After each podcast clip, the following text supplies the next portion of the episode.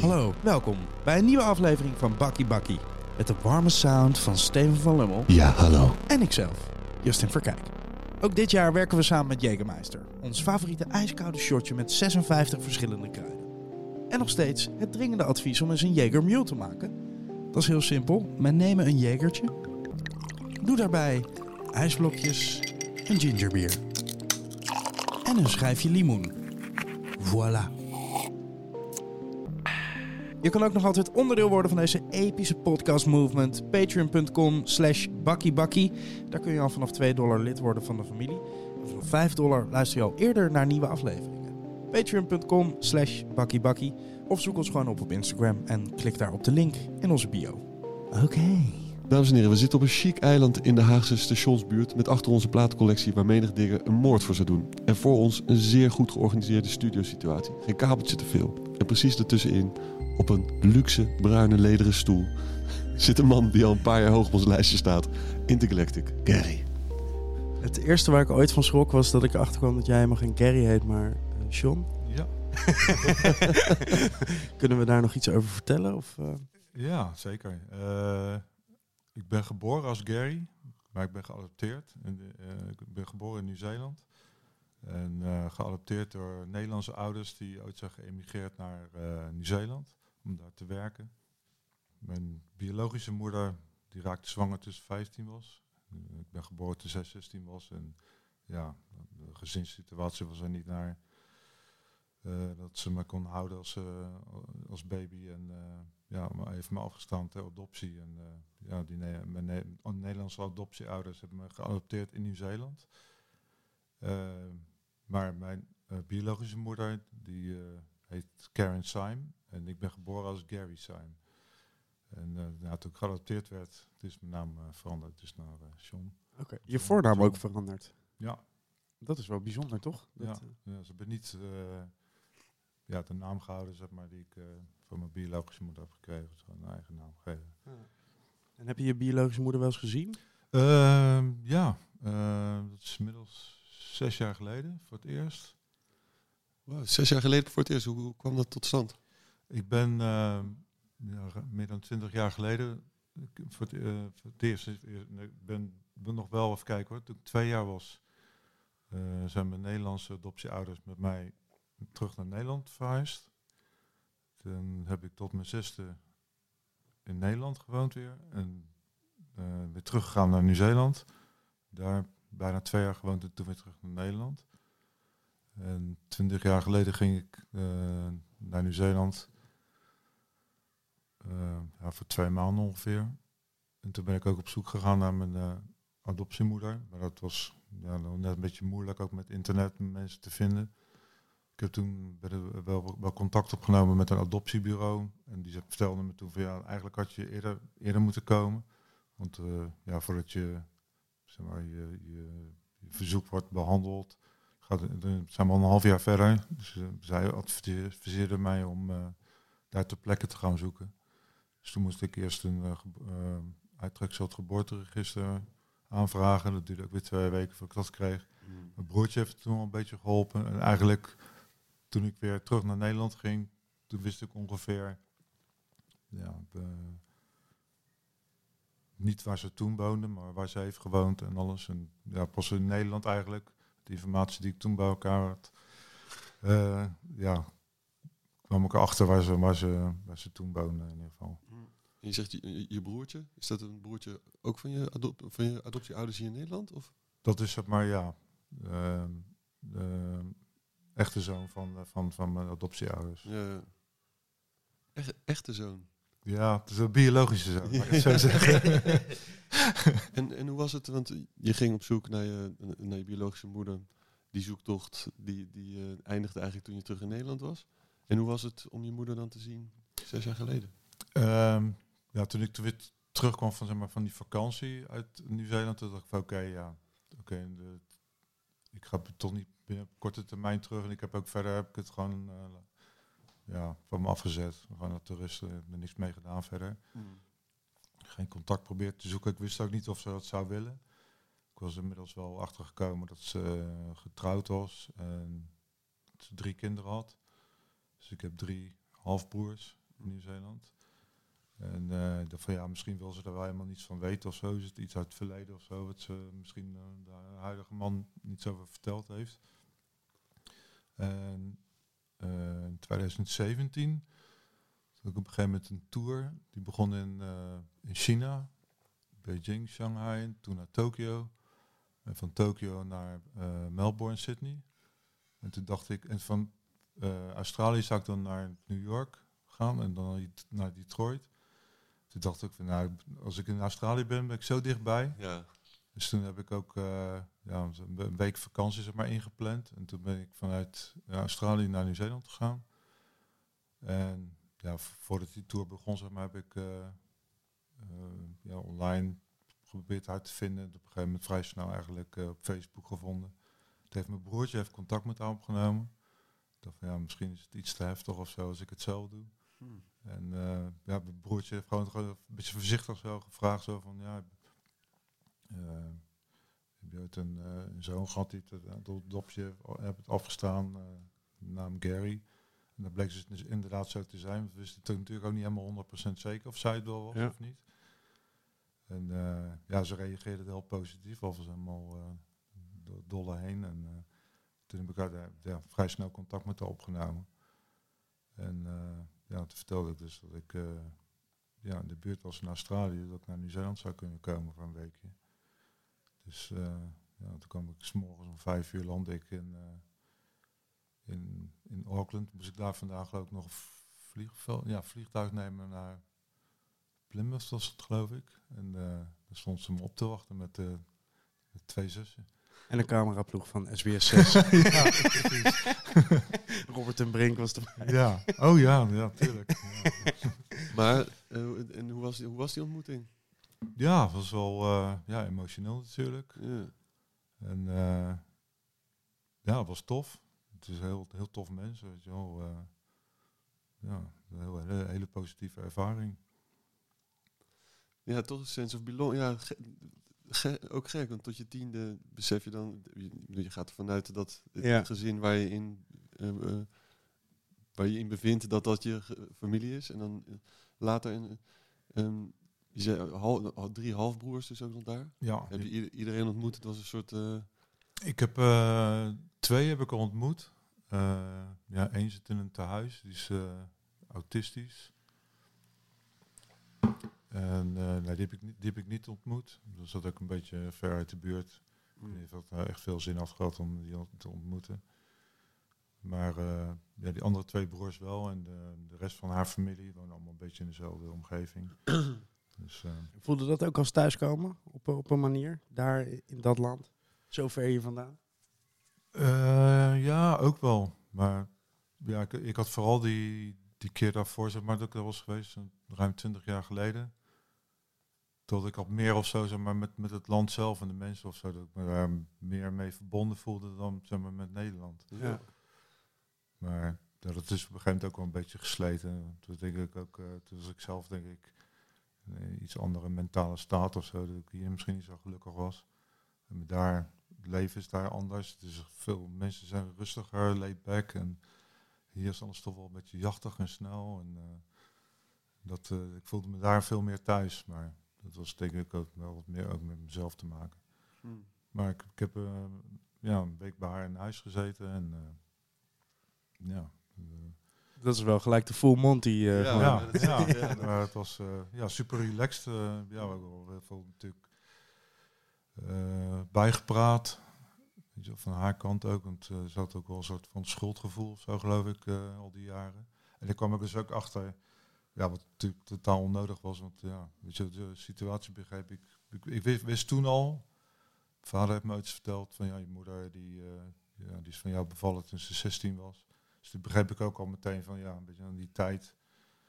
eh, ja, een meisje van 16, eh, een kind opvoeden. En eh, ik, ik snapte de, weet je, wel, waarom Ja. ik op adoptie was afgestaan. Dus ze heeft me ook verteld hoe die situatie was. Dat haar vader, die is toen hij thuis kwam van, van werk of zo, die is ook met een collega naar de kroeg gegaan. En die zette hem aan de overkant van de straat af. En toen wilde hij oversteken. Dus die aangereden, ter plekke overleden. Oh. En eh, een gezin met eh, ja, moeder, zes kinderen.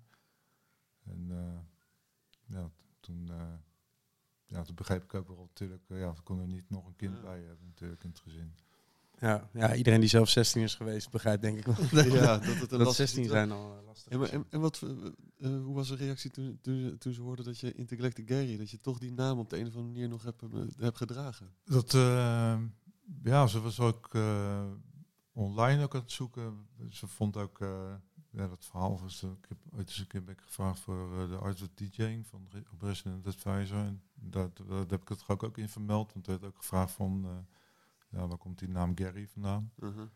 En dat las ze ook. Dus eh, ja, dat was wel eh, ja, een moment van trots of zo, want dat ik die naam eh gebruikte als artiestennaam. Maar dat, dat had ze daarvoor al wel... Voor mij eh, was er voor- wel achter vlak, vlak gekomen? daarvoor of zo, geloof ik. ja. Ah, omdat Dat, eh, ja. er, was contact via Facebook. Ja, toen ja. eh, was ze verder gaan. Ja, want zij heeft natuurlijk, ze had geen aanknopingspunt meer. Eh John, ja. je gaat niet zo heel snel, als je een kind op ter adoptie geeft en je noemt hem Gary, ga je niet heel snel op Intergalactic Gary zoeken.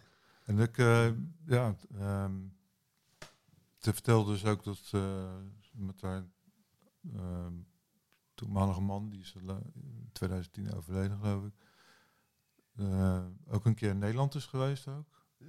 En dat ze ook wel ehm, geprobeerd heeft mij te, te, te ja, op zoek is gegaan. Ehm, maar het was van, eh, van mijn adoptiesouders kant, die hebben, die hebben het... eh, ik weet niet precies hoe dat werkt, maar hebben ze het eh, zo eh, geconstrueerd dat het eh, afgesloten was voor, de, voor, voor, voor, mijn adoptie, voor mijn biologische moeder. Dus die kon geen informatie over mij opvragen. Mm. Dus die kon niet, niet uitvinden waar ik, wel- welke naam ik heb gekregen, waar, Mm. waar ik woonde. Maar ze had wel, ze heeft wel geprobeerd me te vinden. En ze- had al het idee al vrij snel dat, ja, dat ik niet meer in Nieuw-Zeeland woonde. Wat ook klopte. Nu ehm, Den Haag. Ben je dan eh, na Nieuw-Zeeland in Den Haag terechtgekomen?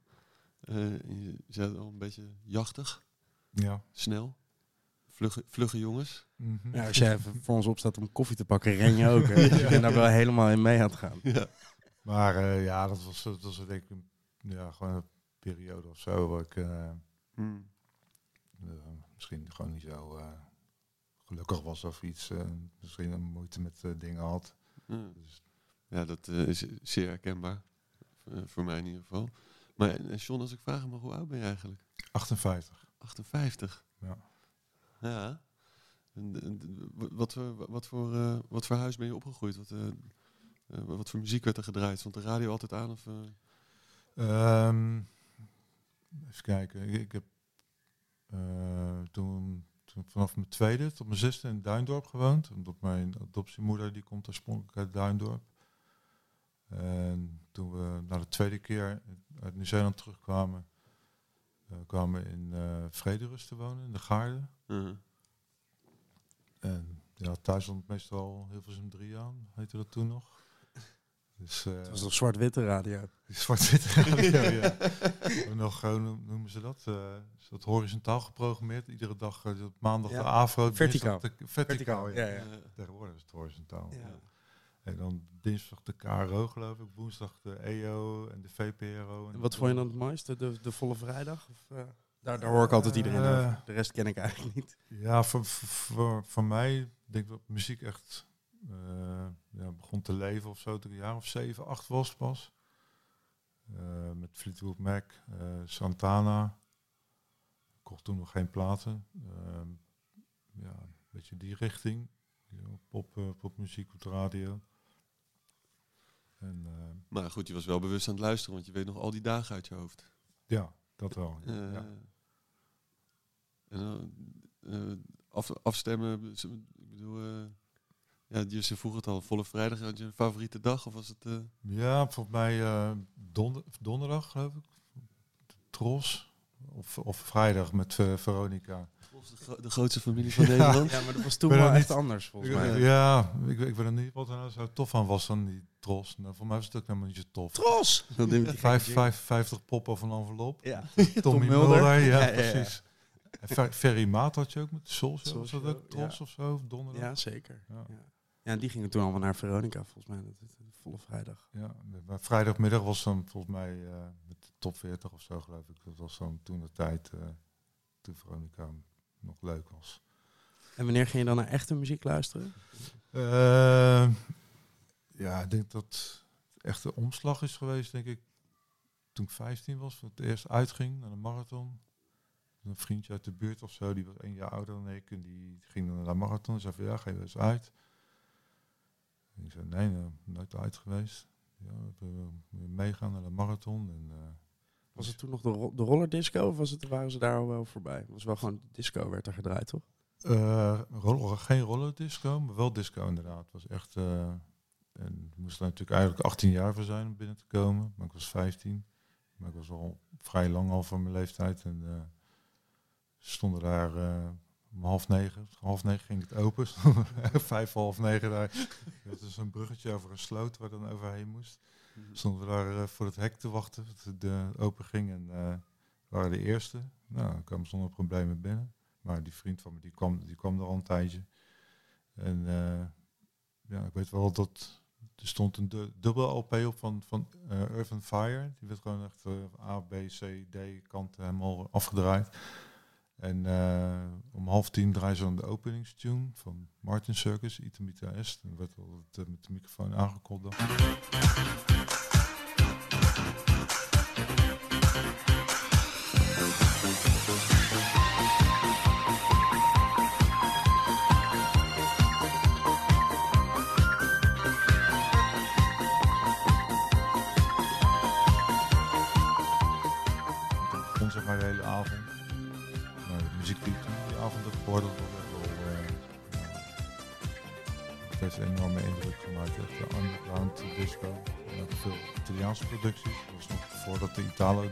Maar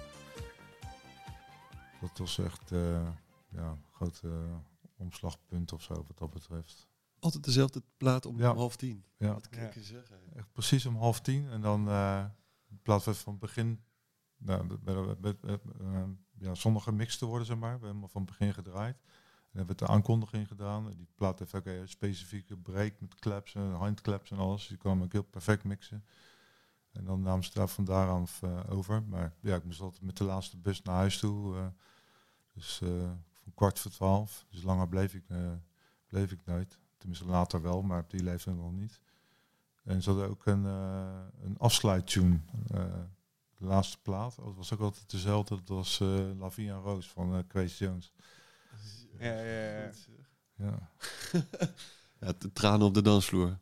ja. ja, ja. Ja, ta- tasje op de vloer en dansen maar was het mij daar bij, was- de, was- bij de marathon. Ja, was echt rij, rijden. Zo echt het eh, ja, jonge meisje tegenover elkaar, handtasje ertussen.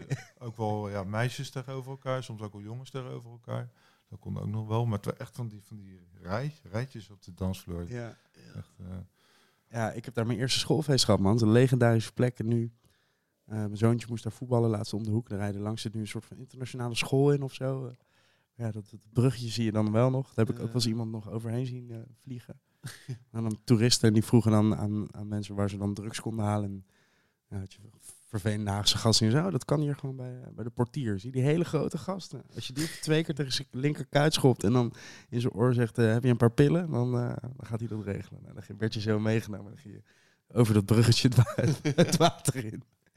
joh.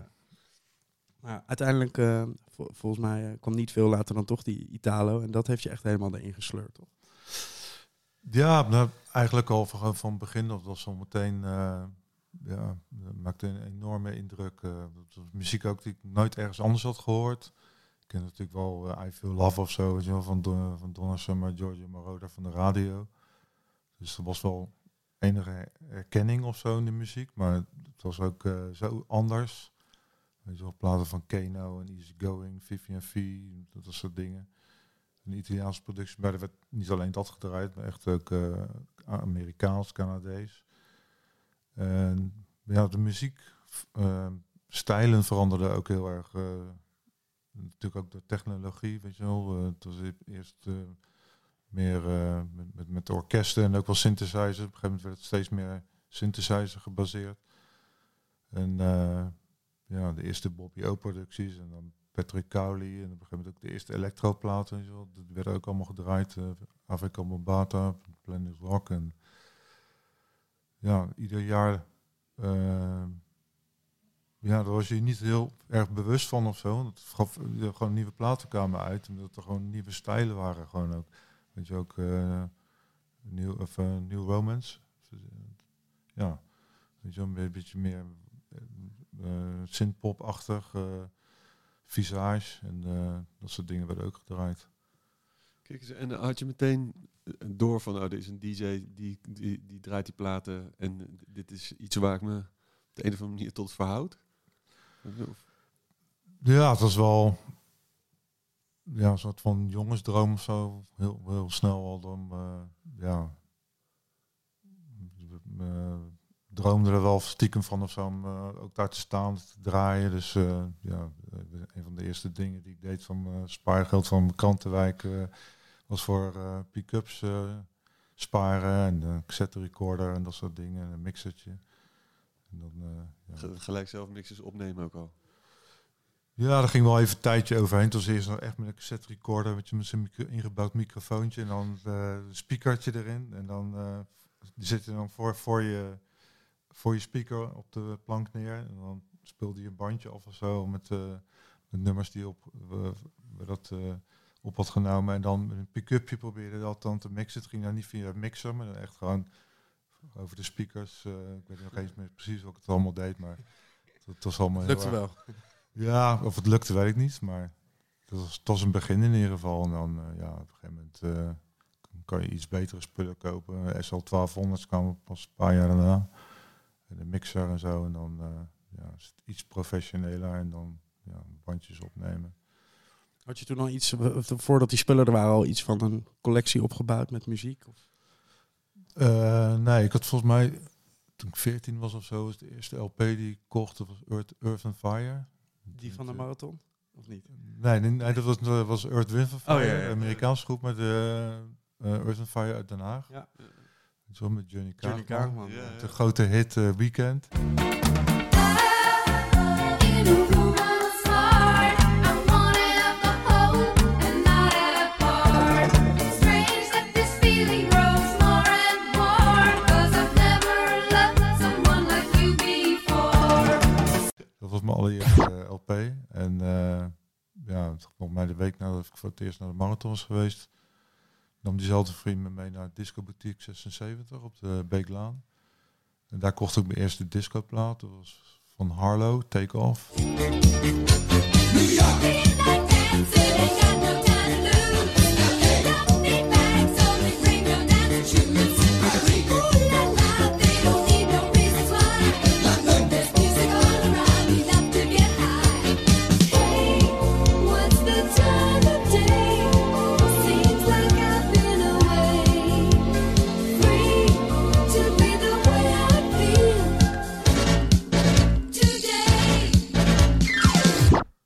Niet eens echt uh, de plaat die ik wilde kopen. Maar hij had me het je zo gemanipuleerd dat ik die plaat kocht. Want hij had samen met een vriend had hij een piraten, deze een piratenzender. Die, die vriend had eigenlijk de platen. Hij deed net alsof het zijn platen waren. Maar die waren helemaal niet van hem. Hij had helemaal geen platen. hij zei van ja, die heb ik ook. Ja, deze heb ik ook. En uh, stond in de marathon stond op te scheppen dat hij bij iedere plaat had. hij had die platen helemaal niet. Die waren van een vriend van hem. En uh, ja, dus ik wilde ook wel uh, ja, de muziek kopen. Toen hij nam me mee naar Disco Boutique 76. Maar die Harlow-plaat, die, uh, die hadden zij niet in een collectie. En ik wilde eigenlijk liever iets van Keno of VVV kopen. Maar uh, ze zei, ja, nee, je moet die kopen. Dus uh, ja, het heeft me overgehaald om die plaat te kopen. Maar eigenlijk, ja... Ik voel toch een traumaatje. ja. een klein traumaatje, waardoor... Een beetje laten overhalen. Ja, een beetje laten overhalen. En daardoor misschien ben je nog eigenwijzer geworden of gebleven. Hmm. Maar absoluut, ik heb die plaat nog steeds trouwens, die eerste.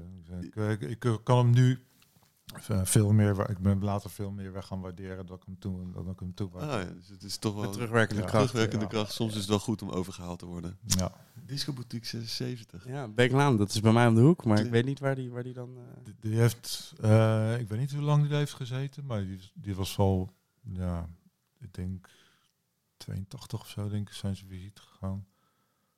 De, je had L. Peter 100 op de, in de Weimerstraat. Dat werd de Rechtesplein, Ja. geloof ik. Dat is op de L. Peter Bondert, wat zei Ja.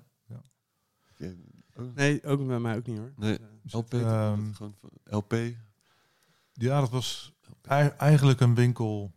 Als je een- de, in de etalage keek, zat er gewoon eh, ja, pop en rock, LP's en singeltjes. Ja. Als je binnenkwam, had je aan de linkerkant de hele muur stond dan zeg maar de hele top 50 of 40 van eh, wat op de radio gedraaid werd, singeltjes. Mm. Maar als je dan doorliep naar achter, dan ze de importhoek.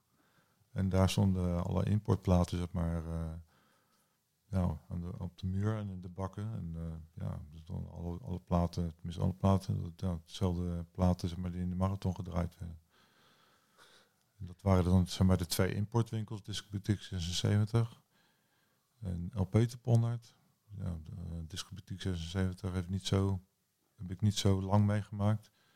En op een gegeven moment kreeg je eh, in, ja, in Amsterdam had je Rhythm Import Records van Mhm. Peter Duikensloot. En die heeft toen op een gegeven moment een filiaal geopend in Den Haag. Dat was eerst in de ehm, Vlamingstraat, Fiorucci. Eh dat zit nu ook McDonald's daar op de hoek. Ja, Die had op een gegeven moment kledingwinkel Fiorucci. En eh, op een gegeven moment was ineens in een hoekje een DJ-boot staan met platen. En er stond Peter Duikensloot zelf. Die heeft daar eh, een paar weken een hoekje gehad. En eh, toen op een gegeven moment dan zijn, hebben ze ineens een winkel geopend. Dat was in de Nieuw- niet? eh Nieuwstraat eerst. Nee. En later, eh, misschien zelfs wel, ik weet niet of het eind jaren 80 was of begin jaren 90, zijn ze naar de Torrenstraat gegaan. Ja. Ja, in ieder geval, John, eh, het is gewoon, eh, je bent er gelijk diep ingedoken. ja. ja, toch? Ja. Eh, In de marathon die eerste avond, eh, die, die, die maat van je die een klein beetje stoerde even de plaats van iemand anders. Maar je bent er gelijk gewoon met gestrekt been ingegaan. ja. Lekker zeg. Je DJ-carrière begon uiteindelijk in de LADS. LADS. ja. Of zat er daarvoor nog, missen we dan iets ertussen nog? Ehm, ja, mijn eerste mijn debuut was eh, op een feest van Stichting de Confrontatie. Eh, dat was een groepje van vijf man. Eh, René Passet zat er ook bij. Ja. Shout-out naar René Passet. Ja. Kom nou een keer terug. Ja, Ja. wat ben je er het doen joh in het noorden? Scandinavië. Ik vind het zo, hij heeft dus op, op latere leeftijd, eh, even een klein eh, tussenverhaaltje, Ja. heeft, hij, eh, heeft hij een zoontje gekregen. En eh, ik, ik volg dat met, eh, met veel genoegen. Het is, dat jochie is zo'n blij gezicht, echt heerlijk om naar te kijken. Maar tot eh, een paar jaar geleden, dus eigenlijk totdat hij vader werd, was ik elke keer eh, samen met David van Schuilenburg. eh waar we ja, de heette bij aan René aan het vragen of wij niet op zijn testament konden. Zodat we zijn platen konden erven als Ja. die, als die doodging.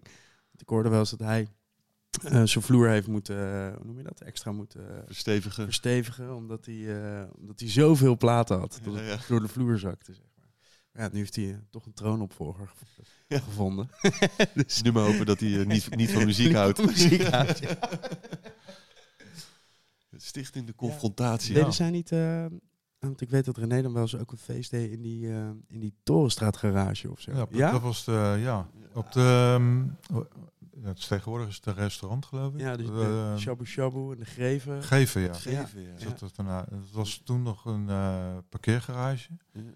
Dan ging, eh, kon je de auto in. is nog steeds daarachter, toch? Ja? Eh, daarachter zit nog steeds die... eh, Ja, ja, ja. Oh, oké.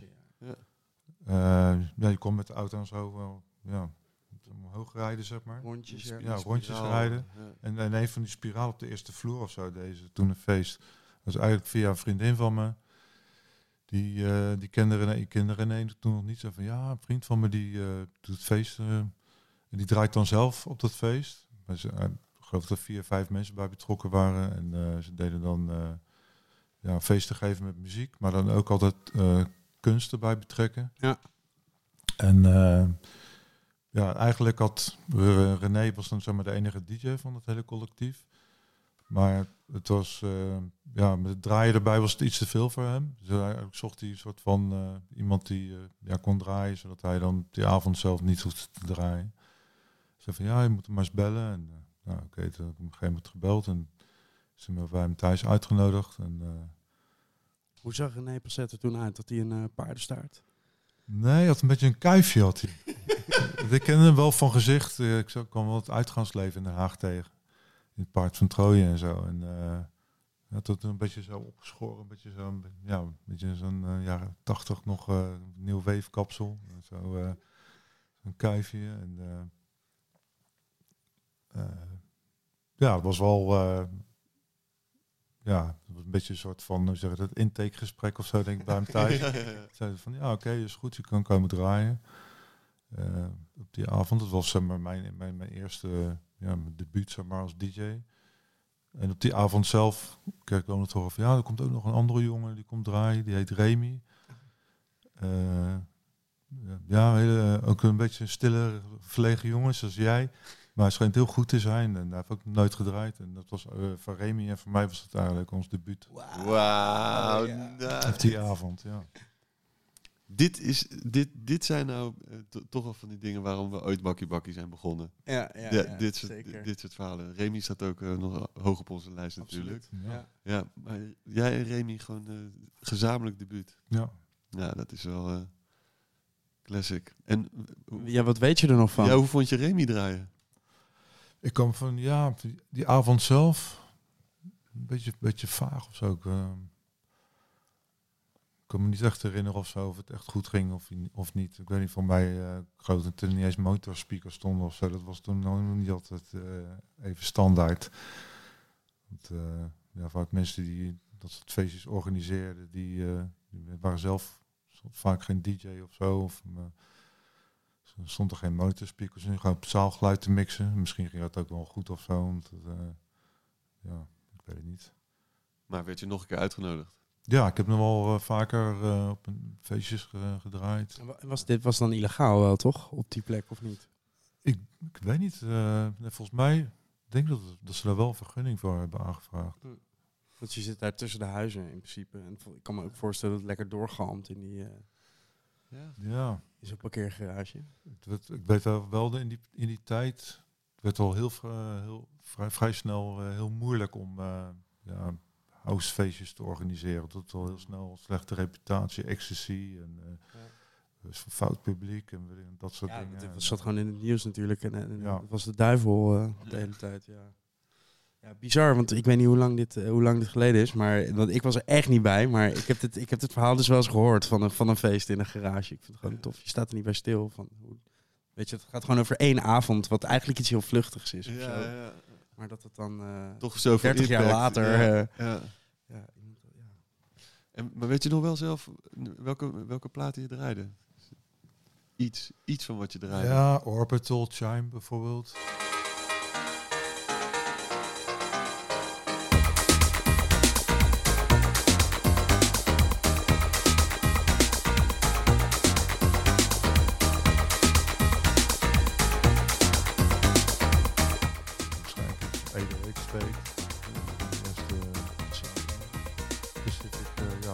Mij dat jaar ook of zo, dat de plaat uitkwam.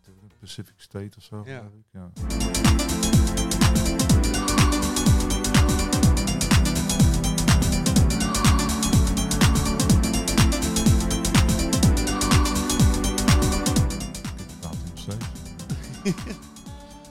Ja, Ja. we zitten hier en er is eh, toch gewoon een eh, v- vinyl. eh Walhalla. Zo, sowieso is het een van de meest muzikale huizen. Van het, hele, het hele huis is ingericht rondom muziek. ja, er is geen eettafel. Nee, dus, Nee. dus, dus weinig ruimte voor iets anders. En eh, toen kwam dus die Ladies. Daar, daar ben ik heel benieuwd naar. Ik, ik heb het verhaal eh, wel eens een beetje gehoord van hoe, Mhm. hoe dat dan ging. Dat het in het begin was het lastig of zo.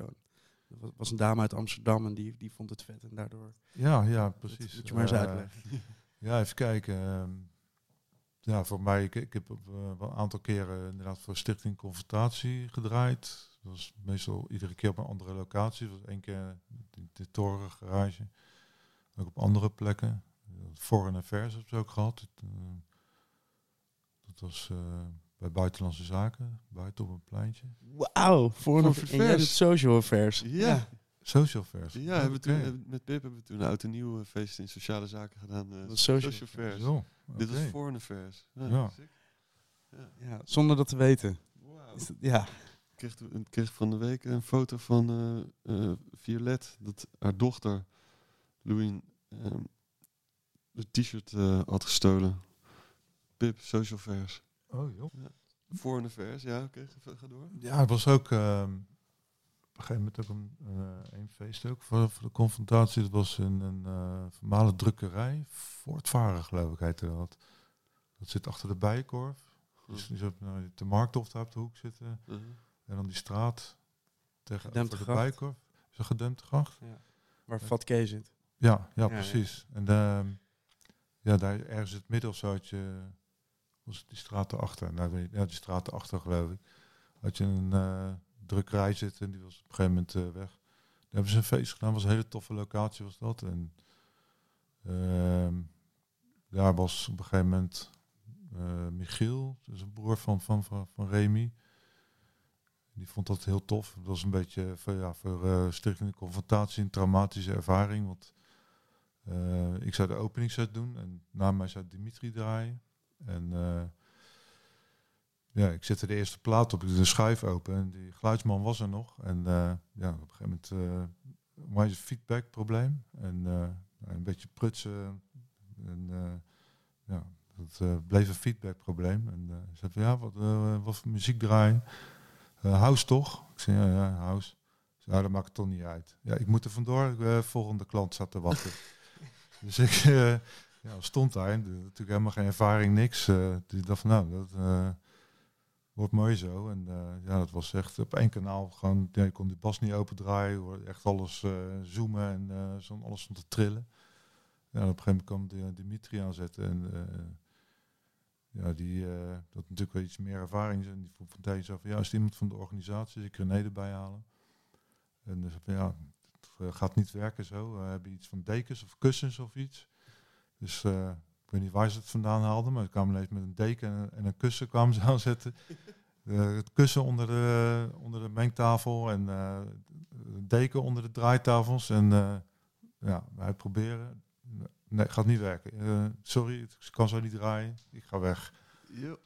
Dus René die zat echt ja, bijna te huilen in een hoekje. Het was, ja. Maar nou, toen moest ik dus die avond verder draaien.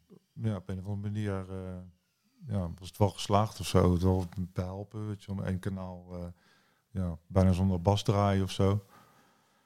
Maar dat was, eh, ja, en eh, de broer van Remy was op dat feestje. En aan de hand daarvan hebben ze me ook voor Silly, Sym- Symphony- Silly Symphonies gevraagd toen. Hmm. Feesten die... eh, Erwin dan de hele? Er- de Erwin andere en, broer van, en, eh, en, Remy? Ja. ja, en, eh, Waar waren die feesten toen? Was dat op het strand? Of, wa- dat- was de eerste ehm, van kan herinneren. Maar...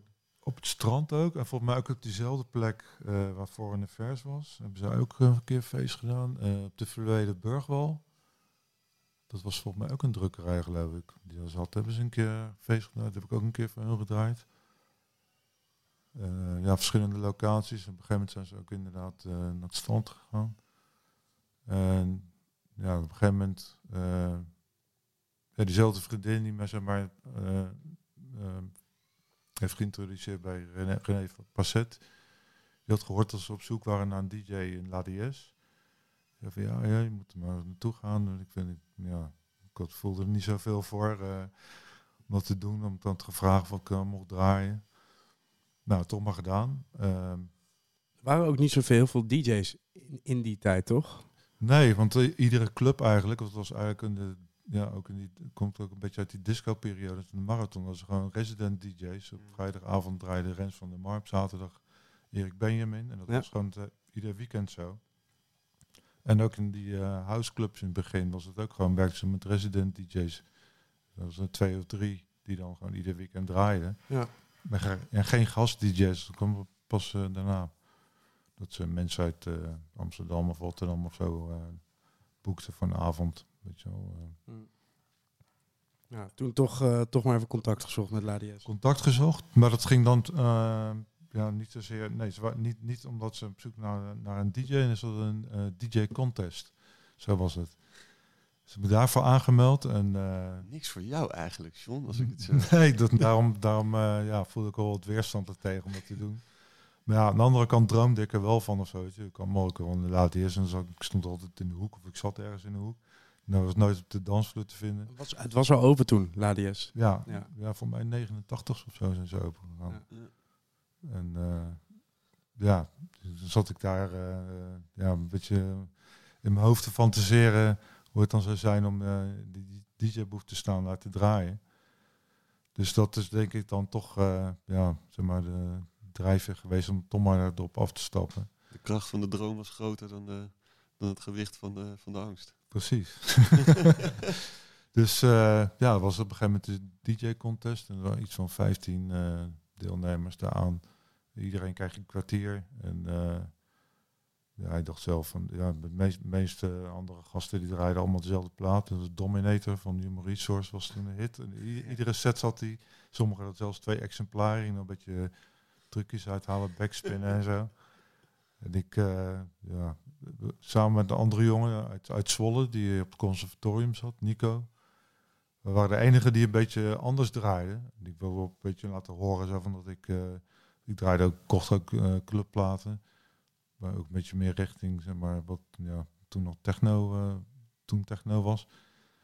En ehm, ja, ik dacht van dat, het heeft geen, echt geen kans van, slagen of eh, weet ik wat. eh. En toen stond ik met die, eh, met die jongen uit Zwolle dus op een gegeven moment te praten ergens in een hoek. En op een gegeven moment ineens ging die muziek uit en met omgroepen. Ja, John schaf even naar voren komen. Ik dacht van, oké, dan gaan ze waarschijnlijk ons allemaal naast elkaar neerzetten of zo. Dan eh, zeggen van, dan, ja, dit is nummer 15, nummer 14. Zo draait je af. En toen was het zo van, ja, je hebt de DJ-contest gewonnen. En ik kreeg eh, een envelop met 500 gulden. En, Zo. En ik stond, eh, hè? Ik begreep er echt helemaal niks van. eh Zeg maar 5 mei, dat is ook nog wel eh, hoop geld. een serieus bedrag. Ja, Ja. ja. ja dat herinner ik me nu ineens zo. dat dat inderdaad het geval was. En ik was echt helemaal eh flabbergasted gewoon. Ik dacht van, hoe kan dat nou weer? en later, ja, zei die resident, hij draaide daar vier avonden in de week, van donderdag tot met zondag. Wie was dat dan? Sorry? Wie was dat? Die daar Eh zat? DJ Ramon. Oh ja, ja. Ja, ja. Die vertelde me ook van ja, jij was tenminste samen met, eh, met die andere jongen, Nico. Eh, eh, ja, de, e- de e- jullie waren de enige twee die tenminste iets anders de, durfden te draaien. De rest draait allemaal weer. eh, ja, het is iedere 13 keer naar dezelfde set te luisteren, bij wijze van spreken. Dus voor, voor, voor, voor hem was dat in ieder geval doorslaggevend. Er zaten natuurlijk wel meer mensen in de jury. Maar eh, ja. En eh, ja, hij zei op een gegeven moment van ja, eh, we, we, we zoeken nu niet een, een DJ voor, om hier te draaien of zo, maar mocht er een plek vrijkomen of zo, dan laat ik wel weten, laat je telefoonnummer achter. En het was toen geloof ik nog een jaar daarna of zo. Ik was het al lang weer vergeten of zo, werd ik ineens gebeld. Van, eh, ja, er is een plek eh, vrij eh, op donderdag of zondag, eh, als je wil, eh, kan je komen draaien. Je mag kiezen. En ik heb voor de eh, zondag gekozen. En dat was, eh, ja, in 92 was dat. Dat we niet een heel voor de hand liggende keuze om Nee, dan voor de zondag te gaan, toch? Eh, Ja, ik dacht van ja, wat ik, ik, ben, ik had gewoon een vaste baan. Dus ik dacht van eh, ja, sowieso de dag daarna moet je werken. Maar dacht van ja, misschien eh, in het weekend of zo. Zondag is toch een beetje weekend. Dus misschien eh, nog een beetje gevoel van het uitgaan van de avond tevoren of zo. Dat je Ja, een pakt. of- Ja. Maar waar werkte je toen? Eh, in Voorburg. Eh, modelbouw, maquettebouw deed ik toen. Hm. Dus eh, ja, volgende dag naar je werk. dat, eh, van t- Met trillen, trillende vingers eh, piepschuim eh, snijden. Ja, maar eh, ja, het was, eh, die avond begon eh, om 12 uur, van, twee tot, van t- eh, 12 tot 4. En ik woonde praktisch om de hoek, in de Korte Houtstraat. Dat was niet zo ver lopen. En ja, een paar uurtjes slapen en dan naar je werk. Maar was toen de tijd was dat goed. En die zondag lag een beetje op zijn gat in het begin en het uiteindelijk... Ja, het was, het was, het was gratis entree, maar het, was, als er twaalf bezoekers op zo'n op avond kwamen, dan was het eh, veel. Eh, het was zo, eh, ja, om de hoek had je de Herenstraat en zat de dames en heren koffieshop. Mm. En die ging om twee uur dicht. Dus tot twee uur was er bijna niemand. En om twaalf uur als de koffieshop dicht ging, dan ja, iedereen die niet hoefde te werken of naar school hoefde, die in de dames en heren zat, die kwam dan de ADS binnen. Colaatje bestellen aan de bar en ergens in de hoek zitten op de bank en blootje draaien en blowen. Niemand de dansvloer op te slaan. en eh, ja, de eerste negen maanden of zo ging dat eh, zo. En eh, ja, ik moest dan, zeg maar, vier uur als, de, als het afgelopen was, moest ik dan het kantoortje, zat een van de twee eigenaren, moest ik dan mijn vier op gaan halen. En de tweede avond dat ik had gedraaid, kreeg ik te horen van, ja, er zijn nogal wat klachten over je muziek binnengekomen bij het barpersoneel. Ja, je schijnt nogal depressief te draaien en eh, heel erg instrumentaal en heel duister en eh, je draait eh, helemaal geen hits. Ja, misschien moet je toch eens vaker op vrijdag of zaterdag komen en goed naar Ramon luisteren, want die weet precies welke hits je moet draaien. Dus ik, ja, weekend daarna vertelde ik dat aan Ramon dat ik dat te horen had gekregen. En hij zei van ja, bullshit, niks van aantrekken. Volgende keer weer gaan lopen zeiken. Gelijk naar mij toe komen, ga ik wel wat van zeggen. En ehm, ja, eh, het was wel tof dat hij het voor me opnam in ieder geval. En eh, ja, op een gegeven moment was dan een, eh, na een maand of negen of zo, het moment dat een meisje binnen kwam lopen. En die, ja, die ging, meteen de dansvloer op en bleef het in eentje dansen. En die vroeg op een gegeven moment na afloop van, ja, draai je iedere, zondag? Zei, ja, iedere zondag. Draai je altijd zo? Zei, ja, eigenlijk, ja, kunnen. Ze zei van, ja, ik ga altijd met vrienden naar Amsterdam, naar de IT op zondagavond. Maar eh, ja, vanavond kon niemand, eh haakte iedereen af. Dus ik eh, was eigenlijk van plan om eentje te gaan. Onderweg naar het Centraal Station kwam ik hier langs, dacht van, nou, even kijken. En, eh, ja, tof. eh, ja, als je altijd zo draait, eh, volgende week kom ik, eh, neem ik mijn vrienden mee. Dus ik dacht van, ja, het zal wel. Maar eh, nou, de week, week erop kwam ze met twintig vrienden of zo binnen.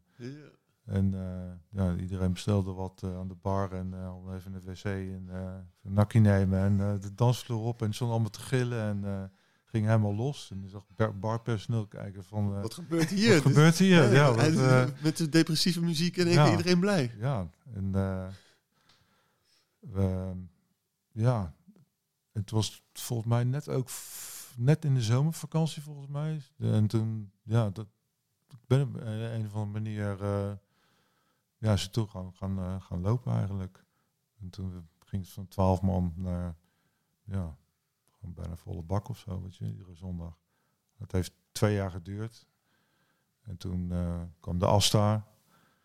En misschien, ja, mensen die eh, wisten het misschien ook wel. eh, ja, weet je ik kan niet eeuwig stand blijven houden. Was ook een nieuwe club, weet je Asta, een grotere, grotere club. Het was iets nieuws. En eh het was het na de zomervakantie in Ladeers was het eigenlijk vrij snel ging het weer terug naar, Hmm. naar eh, hoe het was. Voordat het eh, succesvol begon te worden.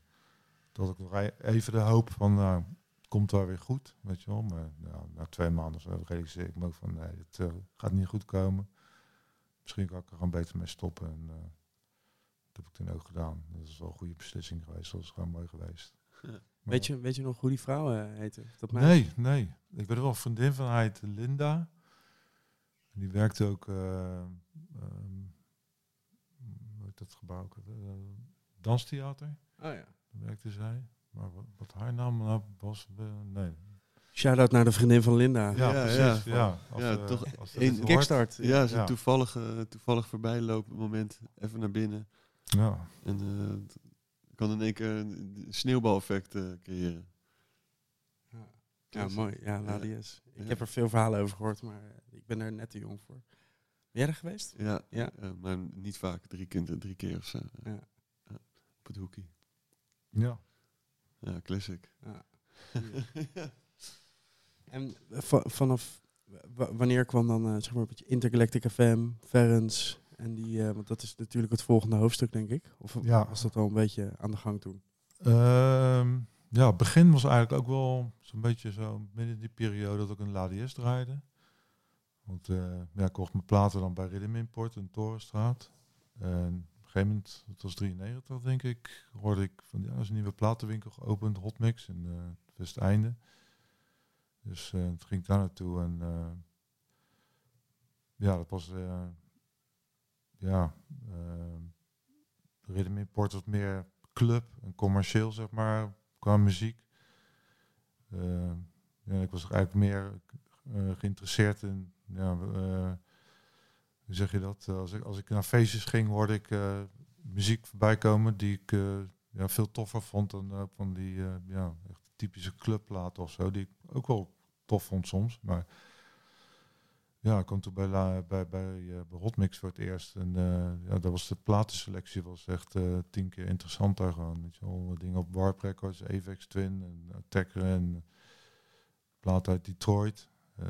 ja, die daar niet kon, kon vinden. Dan moest je misschien naar Amsterdam, maar dat was ook weer moeilijk, want als je, als niet kende, dan moest je met je vingertje omhoog een kwartier staan te vragen, ja, mag ik die plaat daar zo achter de toonbank, moest je hem aanwijzen, mag ik die luisteren?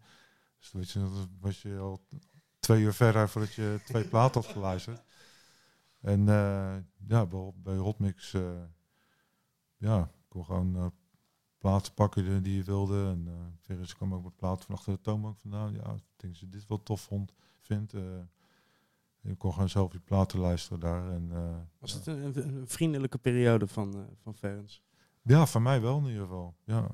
Het was natuurlijk ook eh, op die plek dat eh, in hetzelfde pand, winkelpand, het was Hotmix. Eh Basic Groove zat er ook, magazine. Ja. Met dat kantoortje achterin. En Evente Datsuro, die had in het begin van de winkel, als je meteen als je binnenkwam, links had je een hoekje. Dat was ja, van, van de Italo kwam dat vandaan. maar dat was toen, ja, denk ik, meer ja, in de jaren negentig. Italo-stijl of Italo-house misschien zelfs. Ja. Dus die En, Radiostad Den Haag. eh, Ja. En eh, ja, voor mij, ik had wel vrij snel een klik met Ferens. En het was al, eh, ja, ik kwam dan vanuit mijn werk op de fiets. Ik was vijf uur klaar met werken en vanuit Voorburg op de, fiets zo hard mogelijk naar het Westeinde toe. En dan eh, binnen en dan eh, nieuwe platen checken. En op een gegeven moment was het half zeven. En dan ging uh, Ferens gooide dan de winkel dicht. Moest iedereen eruit. Maar eh zei tegen mij van, oh, je moet nog, je moet nog platen te luisteren. Ja, je hoeft niet weg. Je mag blijven. Ik doe gewoon de deur op slot. En eh, gewoon luisteren wat je wil. En op een gegeven moment zo van, ja, ik ga even... Weet dat, lumpia's halen bij de Vietnamese snackbar aan de overkant. Wil je ook wat? En nou, eten halen. en dan hup, met deur op, deur op slot en platen luisteren en eh ouwe hoeren. En ja, dat was wel toffe, toffe periode was dat. En, en, want uiteindelijk zijn jullie ook samen muziek gaan maken. Was dat iets dat ook al, eh, waar je al mee bezig was in die, in die tijd? Of in ieder geval het begin? Ja, dat het wel in die periode begonnen is ook. eh, ik zelf wat proberen. En Ferens die heeft in die periode hij die winkel opende, dus ook zijn eerste labels gestart. Zelf ook muziek, eh, ja, begon ook met muziek produceren. En op een gegeven moment vroeg hij of ik ook produceer en produceerde. Ik zei van ja, probeer het wel in ieder geval. en, eh, hij zei van ja, als je wat hebt, eh, ja, laat me horen. Als ik het tof vind, wil ik het wel uitbrengen. Dus eh, echt al, al vier allereerste tracks of zo die ik eh, heb afgemaakt, datje aan hem gegeven. En eh ja, hij was toch ook net met dat label Top Secret begonnen. Dat was eh, eh, ja, iets meer club misschien. De clubklant of zo. Was dat ook van hem? Ja. Ja. Er zijn niet zoveel releases op uitgebracht, geloof ik. Ja, de vierde, geloof ik, met je eerste. Oké, nou, dat Las ik toevallig vandaag. Oh, Oké. Ja, Goed de huiswerk gedaan. Eh, dus eh, ja, hij vond die tracks tof. En, eh, ja, hij heeft het Gewoon de, de eh, eerste tracks die je ooit hebt afgemaakt zijn gelijk gereleased. eh. Ja, ja. Ja, toen de plaat uitkwam, dacht ik wel van ja, het is eigenlijk wel be- behoorlijk slecht. Want ik eigenlijk was, eh, ik was niet echt tevreden over het eindresultaat. eh. ja. ja, het zijn allemaal, allemaal stappen. Justin is, is koortsachtig eh, dingen ja, aan ik ben, opzoeken. ben aan het eh. opzoeken. ja. eh, Silverstream was dat. Ja. Ja, Silverstream. Ja.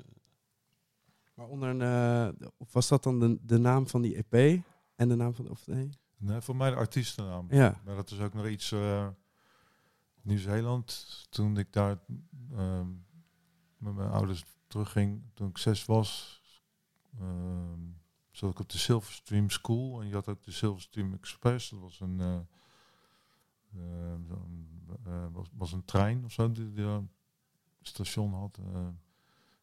Eh, ja, ik vond die naam tof, Silverstream. Ja. dat, eh, die wil ik eh, als artiestennaam toen gebruiken.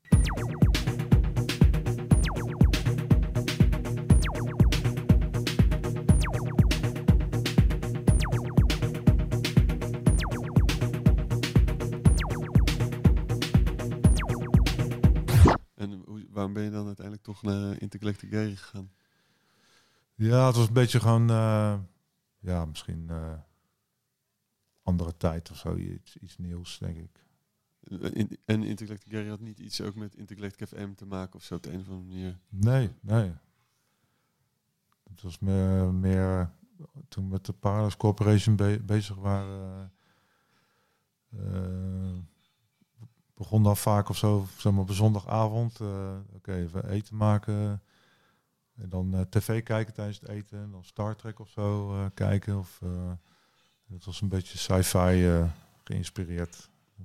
En die eerste tracks, hoe, hoe maakte je die eerste tracks? Want we zitten, we luisteren naar je verhaal terwijl je in een soort cockpit zit. Van synths en modulaire synths. En, duidelijk gestructureerd. Hoe was, hoe was die, eerste, die eerste periode? Ja, echt misschien typisch jaren negentig setup. Eh, Atari ST met eh, Cubase. Ehm, eh, sampler, Akai eh, S700 sample module. Met 750 kb geheugen.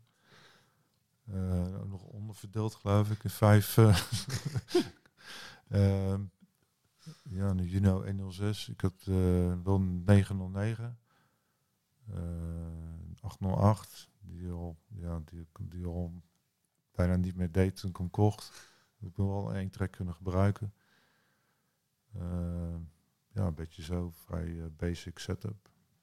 Ja, basic, maar wel gelijk al eh, een specifieke, specifieke sound, toch? Ja, ja, wel- ja, ja, ik ook van die muziekblaadjes, disco dance en de MIDI eh, recording of zo. eh, weet je wel, dat ging. eh, maar ook vaak van die, van die interviews met producers, Nederlandse producers. En dan kun je maar foto's erbij. Zo van eh, ook wat eh, ja, iedereen wilde of had een eh 909, een SA 101, een 808, 707. Al die ja, een beetje standaard eh, apparatuur die daar toen de tijd eh, voor gebruikt werd. Dus toen dacht ik, ja, wist niet beter van, oké, dat moet ik dan ook hebben. Ja, Ging naar op zoek. heb, je, heb je ze nog? Eh 909 heb ik eh, helaas verkocht in de tijd. Die 808 die heb ik nog geprobeerd te laten fixen. Maar dat was het moeder, mo- moederbord van gebroken. Die, eh, die heb ik gekocht bij Rock Palace. En er zat al een deuk in de voorkant. Maar dat was gewoon van binnen was stil stuk. Op een gegeven moment eh geprobeerd te laten fixen. Maar toen ook maar verkocht. 303 eh, gekocht in die tijd. Ook eh, ja, nooit gebruikt, ook weer verkocht. Het was eigenlijk eh, ja, spullen kopen, verkopen en de andere dingen ervoor kopen.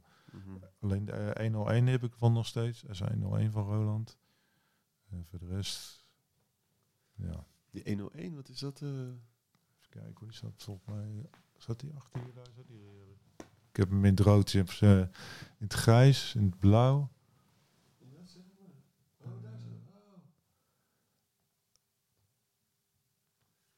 In het rood, lekker. Ja, je hebt het grijs, het lichtblauw en het rood. Eh, ja, grijs is de meest voorkomende kleur. Het lichtblauw is geloof ik het zeldzaamst. Dat heb ik van mij ook nog nooit in het echt gezien. En de rood is ook iets zeldzamer. Eh, Ik kijk, om, achterom eh, naar, die, naar die rode, maar ik zie gelijk die platen. Heb je, heb je een, een strak georganiseerd systeem? Want het ziet er namelijk wel... Het ziet er goed georganiseerd uit in ieder geval. ja, het, is, het zit wel een eh, aardig systeem in. Ik heb eigenlijk, als ik, al, als ik alles had gehouden wat ik ooit heb gekocht, dan zou het eh, ja, misschien twee, drie keer zoveel zijn. Maar ik heb op een gegeven moment ook echt heel veel, ja, voordat ik hier kwam wonen, want ik om de hoek in een van die hoffieswoningen. Het was veel krapper. En ja, toen ik daar naartoe verhuisde, dacht ik van ja, ik kan al die platen gewoon niet houden. Eigenlijk alle platen die ik in die laat eerste periode heb gekocht, al die clubplaten. ik dacht van ja, ik heb eigenlijk niet zoveel meer mee. Het, zijn meer, eh, het was meer, waren meer tools of zo, zeg maar. Het meeste daarvan heb ik eh, weggedaan. En dit is eh, ja, meer echt puur, puurdere collectie of zo, echt voor mezelf. En er zit wel echt wel, ja, die linkerkast onder de onderste rij, dat is meer minimal synth, krautrock, eh, die kant op, wa- wave. En dan daarboven disco, twee rijen. En daarboven weer twee rijen met Italo's. Italo zit allemaal netjes in een plastic hoesje. Ja, die zijn allemaal, meestal hebben ook een plastic, eh, geplastificeerde binnenhoes ook. Oh ja? Ja, Die zo'n antistatische, ja. helemaal netjes. Ja, want met die papieren hoes zitten ze vaak, eh, ook als je plaat voor de eerste keer eruit haalt, heb je al heel snel de, weet je, als zo- zo'n zo'n papieren gathoes, Uh-huh. dat die vaak eh, over het vinyl heen gaat. En dat trek je al, ja, geen krassen, maar wel, je ziet al wel Toch een de lijnen. beschadiging. ja. Allemaal kindjes zijn het, hè? ja. En groeit er nog, eh, de, eh, groeit er nog de collectie? Je kijkt ook helemaal dromerig. Nee, ik, ik, eh, koop eigenlijk nou, sinds 2019 eigenlijk geen, geen platen meer. En platen die, ja, die oh, zeg maar, die eh, DJ setup of zo, de Ja. platen die daaronder staan, zijn eigenlijk de platen die ik de afgelopen 10, 12 jaar heb gekocht, denk ik. Zo vanaf begin, ja, vanaf 2010, denk ik. En de meeste daarvan, dat waren platen die, zeg maar, ja, toen de tijd niet digitaal kon krijgen. Dus dan, Mm. eh, ja, die kocht ik dan bij Colonial in Rotterdam en eh, spaar ik ze altijd op, weet je wel. Gewoon online bestellen, kan je ze reserveren en dan eens in een maand of eens in zes weken en dan langs en dan eh kon je ze nog luisteren, kon je nog kiezen of je wel of niet meenam en dan gewoon om te digitaliseren en dan gewoon weer terug in de kast. Dus eh, Wa- Want je, je hebt de stap gemaakt, om, je draait nooit meer vinyl? nee, nee, sinds 2016. Dus, eh, Lekker dat je alles meteen in een jaartal. Heerlijk. Sinds Ja. 2019 geen platen meer kopen. Sinds 2016 niet meer met platen draaien. Heel, heel duidelijk. Er is, er is iets het- gebeurd. Ja, gewoon door, omdat het overal slecht geregeld was, slash is? Of? ja, het was uit- meer uit frustratie. eh, niet, eh, niet, niet met dekens en kussens op te lossen. nee, dat, eh, ja, vaak overslaande naalden, feedbackproblemen. Ja. En ik, ik wilde op zich wel eh, naast het vinyl ook wel digitaal draaien of zo. Zeg maar ja, promo's of zo die je dan kreeg kunnen draaien digitaal.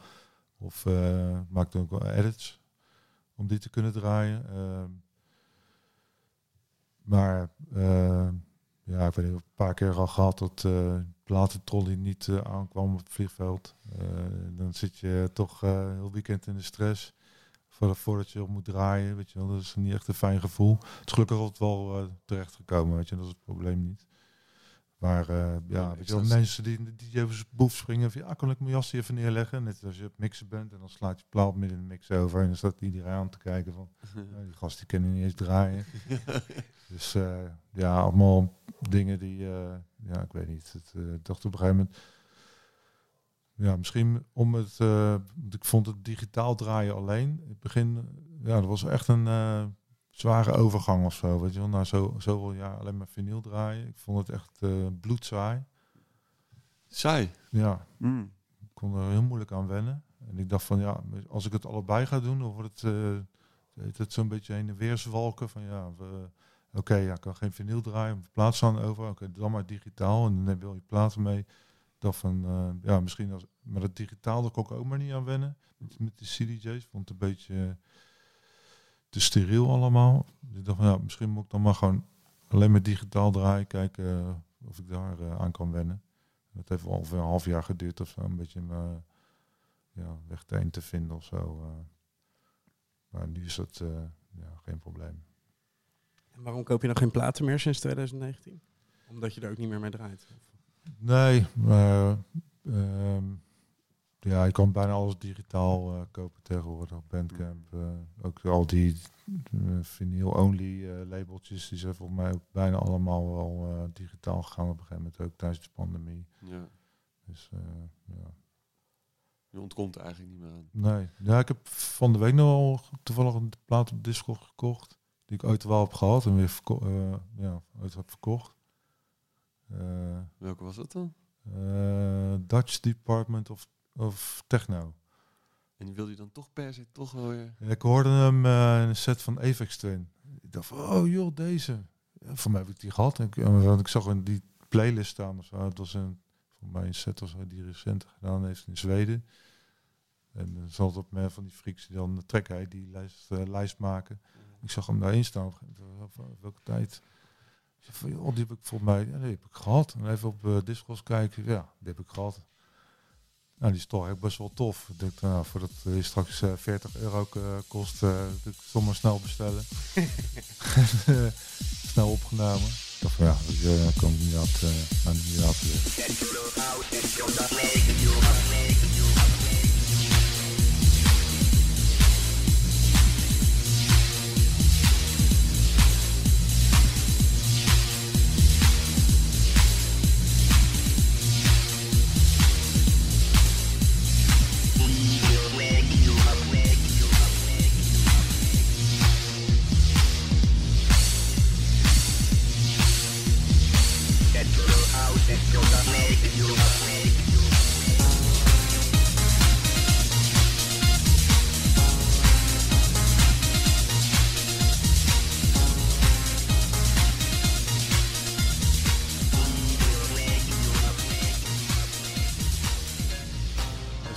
even met andermans oren horen of zo. Ja, om, om te beseffen wat het is toch? Op andere waarden te schatten of zo. We waren, we waren van de week bij, bij Jeans thuis en die had het ook over Apex Twin. Is toch, het is, Hij is toch gewoon, die man blijft maar eh, fascineren op de een of andere manier. ja. Ja, zeker. Ja. Ja, is het, eh, is het iets wat je heeft geïnspireerd? Of in ieder geval, wat, eh, wat, of wat vind je zo inspirerend aan Apex Twin? Ja, zijn producties.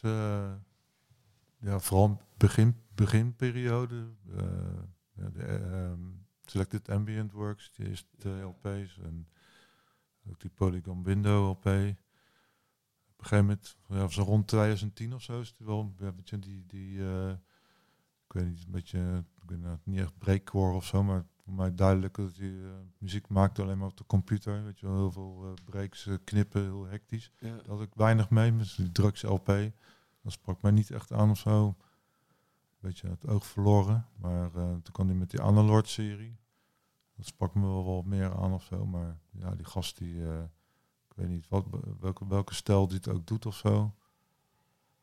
Ja, het is eh, altijd wel bijzonder of zo, uniek. Echt een talent of zo. En ook wel gewoon, ja, dat hij op zo- zo- zo'n jonge leeftijd, in 13, 14, 15 jaar was, wel die Selected Ambient Works begon. Mhm.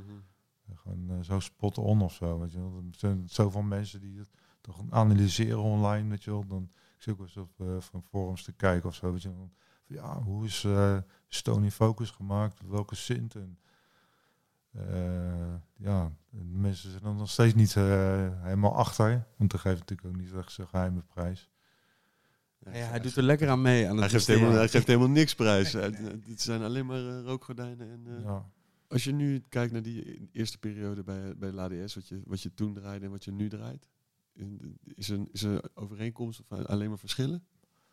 Meer verschillen, ja. ja. Dat, eh, het was toch het was een hele goede leerschool voor mij. Eh, nu kan ik gewoon, ja, eh, nu draai ik gewoon wat ik wil draaien. En toen was het vooral concessies doen of zo. Weet je? Dus ja, als je in een, in een club draait, je hebt met vaste publiek te maken. Het was, het was ook echt een club met clubmuziek, zeg maar. Het was heel, ik, probeerde wel, zeg maar, mijn eh, de platen die ik ja, bij Hotmix, ik wist van heel veel platen, ja, die kan je niet eh, in LADS draaien. Maar eh, ik ging wel naar feesten toe, bijvoorbeeld waar ik Dimitri hoorde draaien. En ik had dan platen bij gekocht en die hoorde ik dan s'avonds in, in een set van Dimitri. En als ik dat in LADS zou draaien, dan was het gewoon teringherrie. Of je joeg, de, ja, joeg iedereen de dansvloer ermee af. Die twa- twaalf mensen joegen joegen dan weg. ja, maar ook in de periodes, dat zeg maar, ja, toen kon, toen kon het wel iets, eh, kon, kon ik wel eh, wat meer dingen doen. Maar het was altijd wel een beetje compromissen sluiten. Op zich, ja, bij dat, op zich is dat ook wel interessant. Je kan er ook van leren of zo, weet je. Dat, hoe, hoe, hoe, je zeg maar, het publiek kan bespelen of eh, vastgrijpen, weet je wel. Avond opbouwen, dat soort dingen, naar, naar een soort van hoogtepunt toe. En ik weer eh, naar beneden, dan weer naar een eh, hoogtepunt opbouwen of zo. Dat soort dingen. Dat ja, als je thuis voor jezelf zat te draaien, is het alleen maar zo'n beeld voor je dat je voor het publiek zat te draaien. Ik bedoel, eh, ja, die komt niet altijd zomaar overal mee weg. Nee. Maar ik had ook wel in diezelfde periode, moet ik zeggen, tijdens het LADS en ook in die periode dat ik bij Hotmix platen kocht, eh, draaide ik ook eh, af en toe een eh, blauwe aanslag bijvoorbeeld. Mhm. En daar Ja, kon kon het weer wel, ja. daar kon het, eh, ja, daar kon ik al die platen die bij Hotmix kocht, kon ik wel eh, daar draaien. En eh, nou, dan hoefde ik niet mijn LADS platen nee te nemen in ieder geval. Is dat een Acid Planet eh, avonden? Ja, dat weet ik niet meer precies. Ik weet niet meer hoe ik daar nou terecht ben gekomen. Ik weet wel, voor mij de eerste avond, dat was voor mij toen net die eerste bunker release uit was van Judith Mobius. Ik weet dat Guy me die plaat gaf en dat hij me vertelde dat hij week, week daarvoor eh, dat, hij, eh, dat hij had gedraaid en dat die plaat had opgezet. Dat voor mij was het LVC geloof ik in Leiden. En dat eh, iedereen met stond er vol trots stond hij te vertellen dat, dat ja, die track is vrij lang. Op een gegeven moment is er ook een SR101 eh sequence zit erin. En op een gegeven moment gaat die resonantie die gaat steeds verder open. En dat wordt heel erg scherp. Zei dat mensen stonden met de handen op een oor op de dansvloer. En eh, ja, dat was... eh, Kon die wel waarderen. dat, eh, dat vond ik prachtig.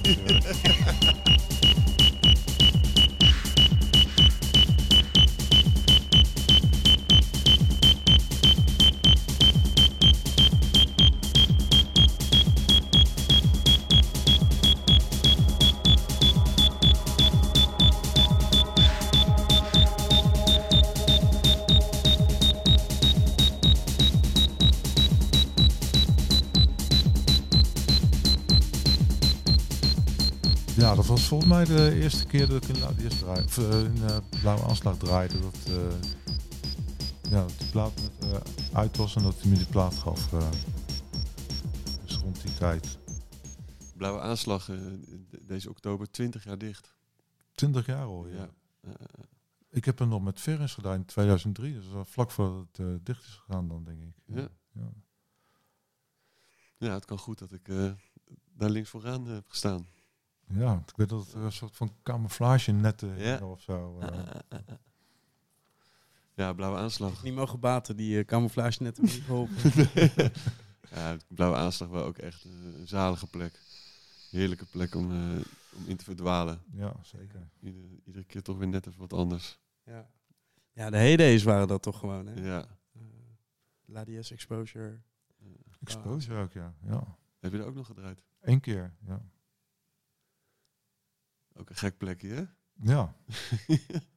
dat was ook op een feest van iemand anders of zo die dat... eh, ja. Was, in, in Ladies gebeurde er ook veel gekke dingen? Of was het gewoon toch wel verder gemoedelijk, eh, gemoedelijk sfeertje? Ehm, ja, ik denk, die periode dat ik het draaide was het meer gemoedelijk misschien. Volgens mij, ik, ik kan me nog wel herinneren toen het net open ging, stond er echt een rij die ging echt helemaal de hoek om zo op de Herengracht. En eh, ik was de eerste keer dat ik daar binnenkwam, het was echt eh, hedonistisch. eh, van die blokken of zo op de dansvloer lui echt helemaal uit een plaat eh, gingen. Echt Shirts uit. shirts uit. ja, ongekende tafereelen. ja, ze maar echt dat uh, reefbeeld wat je ja, rond die tijd had, dat iedereen helemaal aan de drugs en dat plaat en Ja, en niemand die, het aan het, niemand die het aan het vastleggen was. Dus dat Nee. scheelt ook. ook wel Ja, een hoop in, eh, in precies. vrijheidsgevoel, denk ik. Ja, Ja. vrijheidsgevoel en ook veel meer eh, soort met armen zwaaien. Kan, Ja. kan ik me in ieder geval herinneren op die nacht dat ik er was. Eh, Veel wilder in. Veel wilder. soort echt, ja, eh, nu is het, ja, En meer met elkaar ook dan... dan ja, vooral veel shirts uit en met armen zwaaien. Kan ik me nog herinneren. We waren volgens mij ook een beetje gebleven bij eh, de Parallax eh, Corporation. Mhm. Ik zeg het niet goed nu, geloof ik. Ja, de Paulus Corporation. Dat zeg je toch goed? Ja. Eh, wat- wat- dat ging je toen met Ferris doen. En tegelijkertijd was er ook Intergalactic FM. Dat kwam later. Even kijken hoor. Ehm, ja, Ferris heeft op een gegeven moment eh, de Hotmix Shop gesloten. Ehm, die is wel doorgegaan met zijn labels in eerste instantie. En nou, even kaart het oog verloren of zo. En eh, toen kwam ik op een gegeven moment tegen bij, bij Clone Records. Die, is, die is volgens mij ook eh, open gegaan was een soort van om die leegte die eh Hotmix had achtergelaten nou als het dicht, dicht was gegaan. En dan had je Clone Records in Rotterdam. Toen kwam ik Ferris toen weer tegen. En dat zei van ja, ja, misschien moeten we samen eens wat gaan proberen. Ik heb een idee met eh, disco eh, wat te doen en zo. Maar hij wist dat ik ja, zeg maar iets meer technische kennis had wat voor eh, produceren betreft. Weet je wel. Ik wist hoe een sampler werkte en dat soort dingen. En MIDI. Nou, hij was meer, ja, zijn muziek was meer ja, echt analoog geproduceerd, ook met zonder MIDI en met triggers, weet je, een sequences trigger met een kabeltje en echt, Dit, eh, dit, was al, dit is al na zijn eh, Space Invader. eh, ehm, even denken hoor. dat is Ja, 93 ja. volgens mij. Oh ja, ja, ja. En ehm, ja, hij, hij wist in ieder geval ja, ook met, dat ik met, met ja, wist hoe samplers werkt en alles. En ja, ook met allebei onze disco-achtergrond, zeg maar, met Italo en disco. En hij wilde daar iets mee doen. En ja, daar is dat uit voortgekomen op een gegeven moment. Dus dan ja, het was bij mij thuis in de studio. En eh, ja, een paar dagen in de week of zo, s'avonds. Eén één, eh, dag in de week en op zondagmiddag tot zondag 12 uur in de studio zitten. Ja, dat is een project geweest waar we vijf jaar over hebben gedaan, in totaal geloof ik. En toen was de LP af.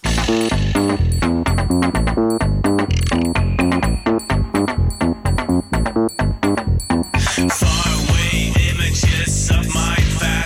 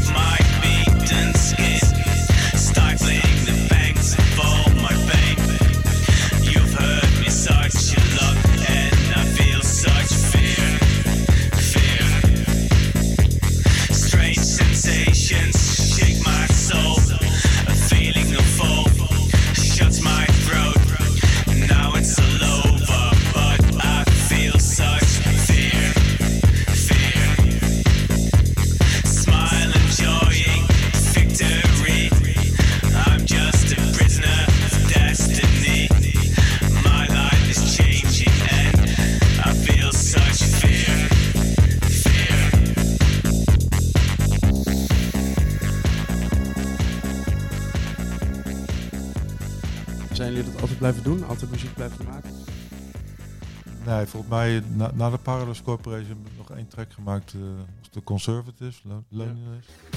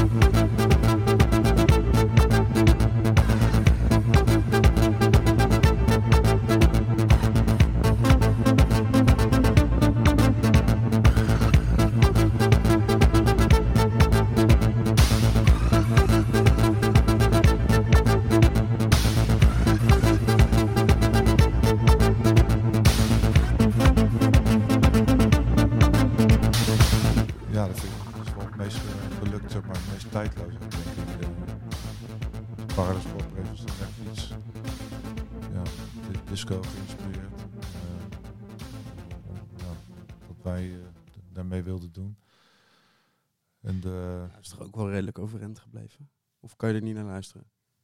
Ja, ik kan, kan op zich wel, eh, ja, ik kan het op zich wel, eh, wel, wel, wel naar luisteren. Maar ik vind die Het conservatives... kwam me heel ver. ja, maar ik moet even, goed nadenken wat ik er nou, eh, hoe ik er nou terugkijk. Ja, het kwam er heel voorzichtig kwam het eruit. Op zich, op zich. Luister je sowieso nog wel eens? Luister je veel je eigen muziek terug? Ehm, tegenwoordig de dingen of zo die ik eh, tegenwoordig maak of zo, af en toe. Ook om eh, ja, voor mezelf te bepalen of het eh, stand heeft gehouden of zo. Of het, eh, ja, ook maar meer om, om te, ja, te, leren of zo misschien. Te be- kunnen beoordelen van ja, kan ik, kan ik er echt trots op zijn of tevreden over zijn? Of, ja. Ik, vroeg, vroeger of zo, als we het track hadden afgemaakt, ik kon er echt, zeker de eerste drie maanden, kon ik het niet horen. Misschien omdat, ja, we er te lang mee bezig waren. Maar was misschien meer bezig met eh, alles wat beter kon, had gekund. Of eh, weet je wel, misschien eh, meer vanuit een negatief oogpunt naar benaderen. En eh, ja, dat eh, heb ik al lang losgelaten, dat soort dingen. Die, die kritische stem. Ja, nog steeds wel kritisch, maar op een andere manier of zo. Niet uit eh, onzekerheid of iets. eh. Ja, nou die Conservatives dus gestopt samen, maar ik begreep wel dat daar ook onlangs een soort van eh, reunie is geweest. Dus ik, ik kan me herinneren dat Ferret zei dat jullie weer eh, in de studio waren. Ja, we zijn, eh, ja, dat is ook alweer een paar maanden geleden of zo, eh, nog een trek aan het werk geweest. Ik weet niet of dat doorgaat, kan altijd. Het, het hoeft niet ineens vol onder bak of zo. Maar dat was ook na de Conservatives. En toen, dat was het begin van CBS, van Ferens. En die is ook daarop gestort op Cybernetic Broadcasting System, internetradio. En eh, ja, het was het produceren. Ja, dat heeft zich toen helemaal toegelegd op internetradio natuurlijk. Mhm. En het is een beetje het een of het ander eh, vaak. En eh, ja, Cybernetic Broadcasting System is op een gegeven moment Intergalactic FM geworden natuurlijk. Mhm. En eh, ja, Ferens is gelukkig ook weer tegenwoordig aan het produceren. Dus ja. En hoe, hoe, verhouden, hoe verhoudt draaien en muziek maken zich bij jou tot elkaar? Als je, als je echt mocht, zou mogen kiezen. Of als je zou moeten kiezen, bedoel ik. Ja, ik, heb- ik heb mezelf altijd meer als DJ gezien als, dan als producer. Maar eh, ehm,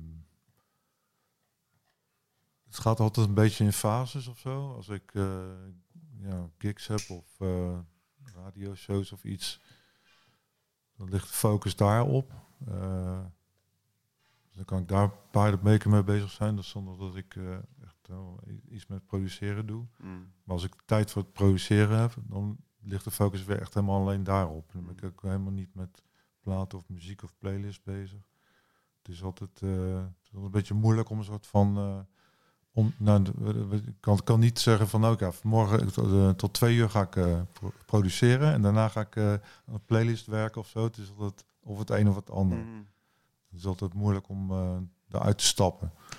Dus als je echt focus, tenminste voor mij werkt dat zo. Als je de focus wil, eh, goed, goed op wil focussen, dan moet je echt alleen daarop focussen. Mm. Niet eh, verschillende dingen op één dag of zo proberen te doen.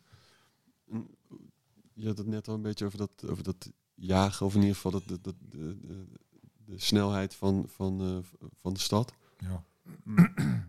Mm. Heb je voor jezelf, want je, social media heb je natuurlijk helemaal op zien komen. Ja. En zien gebeuren als een soort eh, atoombom in de verte. En heb je qua een beetje gekke voor een soort soort maar carrièreplanning of zo weet ik. Want ik heb echt het gevoel dat vanaf de eerste keer in de marathon dat je die muziek hoorde, dat je dacht, ja, dit is het gewoon. En hoe die plek die je hebt veroverd op de een of andere manier, is het, ja, mm, sowieso. Ik kom, ik kom vandaag een beetje lastig uit mijn woorden. Van, vanmiddag, net vlak voordat we op gingen nemen, een hele goede vriend van mij overleden. Dus ik kom een beetje lastig uit mijn woorden. Ja, wat wil je vragen? Ja, dat, ehm, dat DJ zijn is nu een Mhm. soort. eh, Het heel iets anders dan wat het was toen jij Ja, voor het eerst in de marathon was. dank, dankjewel. En dat is volgens mij ook eh, wat, wat jou eraan aantrok, omdat ik het idee heb dat jij, eh, dat je juist een persoon bent die niet zo graag in de spotlight staat of zo. En eh, Ja. hoe, hoe kijk je dan nu naar de, Dankjewel, Justin. naar, de, naar, de, naar de verandering die daar nu is? Hoe, hoe mensen nu naar een DJ kijken? Ondanks dat het misschien wel, eh, ja, weet je wat ik daar wel vroeger wel van droomde, zeg maar, om, om DJ te zijn, te draaien. Maar het ging Wat over ik- de controle van de muziek in een, in een ruimte misschien. meer. Mhm. Maar ik, eh, ik had nooit verwacht of zo dat ik daar mijn beroep van zou kunnen maken. Of dat ik ja, dat professioneel zou kunnen doen. En het is ook pas, zeg maar, eh, ja, na die LADS-periode was ik ook wel eh, klaar mee. Ik heb voor mij ook twee jaar of zo bijna geen platen gekocht. Ik werd wel af en toe op feestjes in Den Haag eh, gevraagd of zo om te komen draaien. En toen we Parallax Corporation gingen doen, toen heeft ja, uh, had dan een paar residents of Barcelona of in Berlijn. En die eh, heeft me daar wel eh, actief bij proberen te betrekken. Want ze vragen of ik uh, zeg, ja, ik doe een project met uh, Parallax Corporation. Die, ja, die kon ik vaak met hem mee om te draaien. En ja, dat is toen ook heel, heel geleidelijk aan weer, weer een beetje teruggekomen of zo.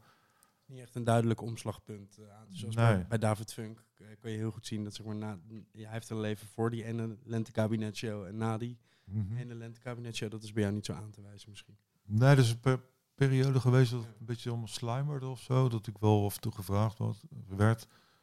Maar het is misschien wel een periode geweest dat op een gegeven moment eh Boiler Room dekmantel.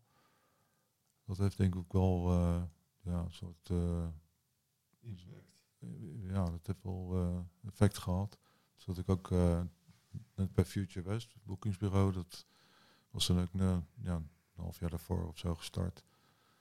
En eh, toen kwamen er wel ineens gigs binnenrollen. En ik werkte toen part-time in Rotterdam, drie dagen in de week. En ik was op maandag en vrijdag vrij, dus dat was ook wel mooi. kwam goed uit. En toen op een gegeven moment, eh, een paar maanden na die boiler room, had ik eh eh, boeking in New York voor het eerst en in Colombia. En toen eh, ja, was ik twee weken van huis, dacht ik van ik moet twee weken vakantie opnemen.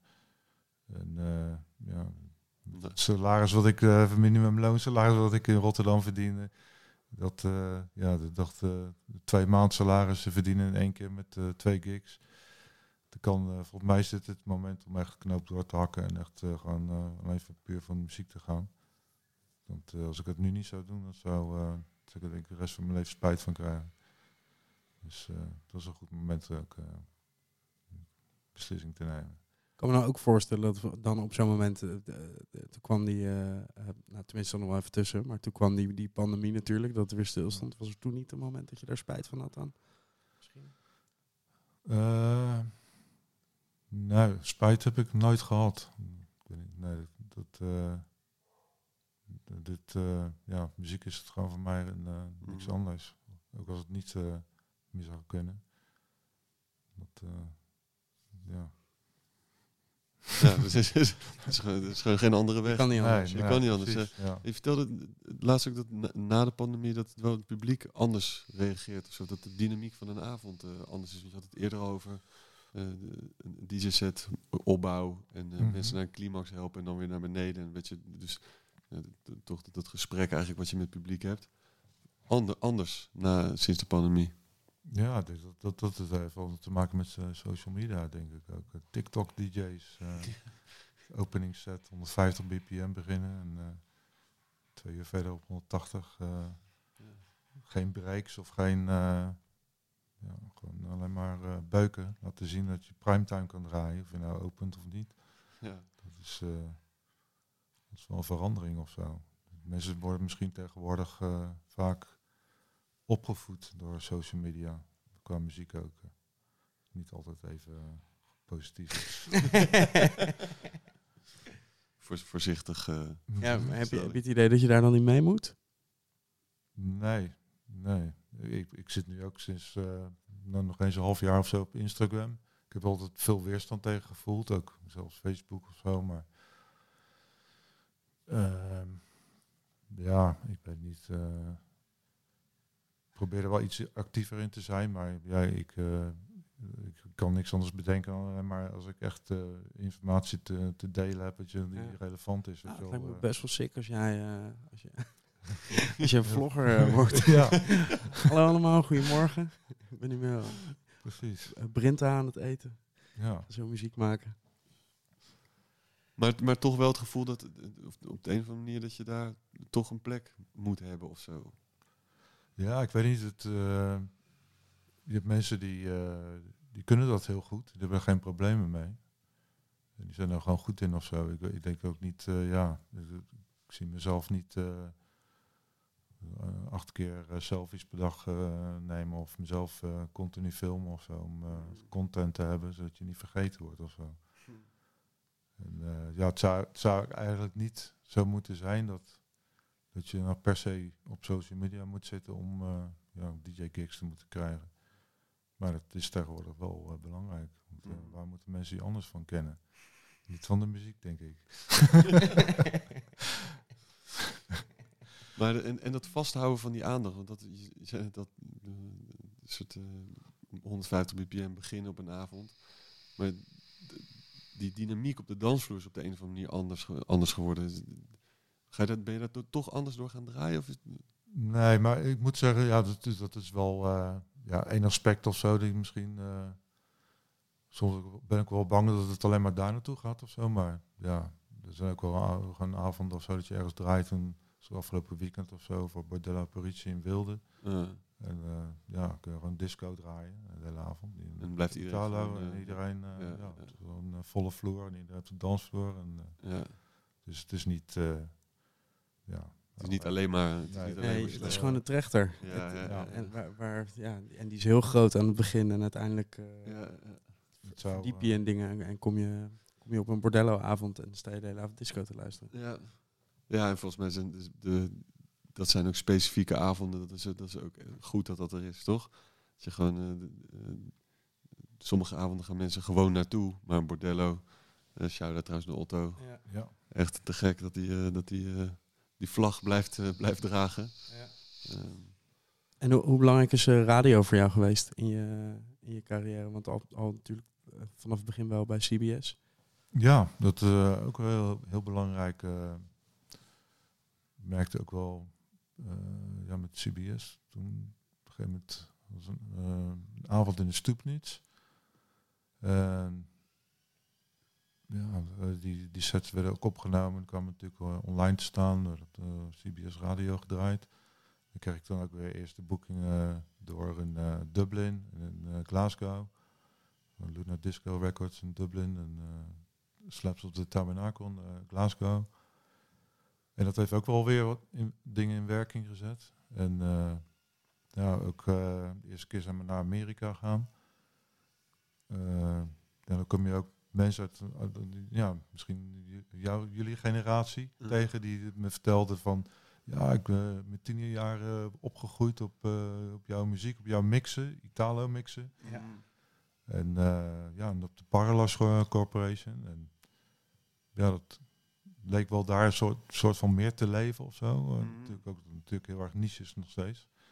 Eh, ja, dat, dat hoorde je hier, hoorde je dat minder vaak of zo, zeg maar. Ja, dit is toch de enige, enige plek waar, eh, waar je nog wel eens voor een lege zaal komt te staan met, met die sound. Terwijl, terwijl het in, in Amsterdam is het natuurlijk alweer heel anders. Maar ja. eh, ja, mensen uit het buitenland, als je die tegenkomt en je vertelt, als je uit Den Haag komt dan, en, en ze zitten in die muziek, dan is vaak wel de eerste link die ze leggen toch Ja. Intergalactic FM. En, eh, Maar, maar er is ook wel tijd geweest of zo dat je in het buitenland kwam. En dan, eh, van ja, als je nog geen kick hebt in het buitenland, eh draai je dan eh, de blauwe aanslag of eh elektrofeesten, bunker. eh die denken dat we hier ieder weekend eh bunkerparty hebben. Of, eh, een eh, ja, elektroparty. Ik zeg van nee, nee, dat is eh, een paar keer per jaar hooguit of zo. Weet je wel. Dat is niet eh, ieder. eh, maar ja, dat denken mensen ook eh, van Detroit. Weet je wel. Dat, eh, Ja, precies. avond, Ja, ja. avond eh, ieder weekend Detroit techno's. En dan Ja, gebeurt, daar gebeurt helemaal helemaal niks. Nee. nee.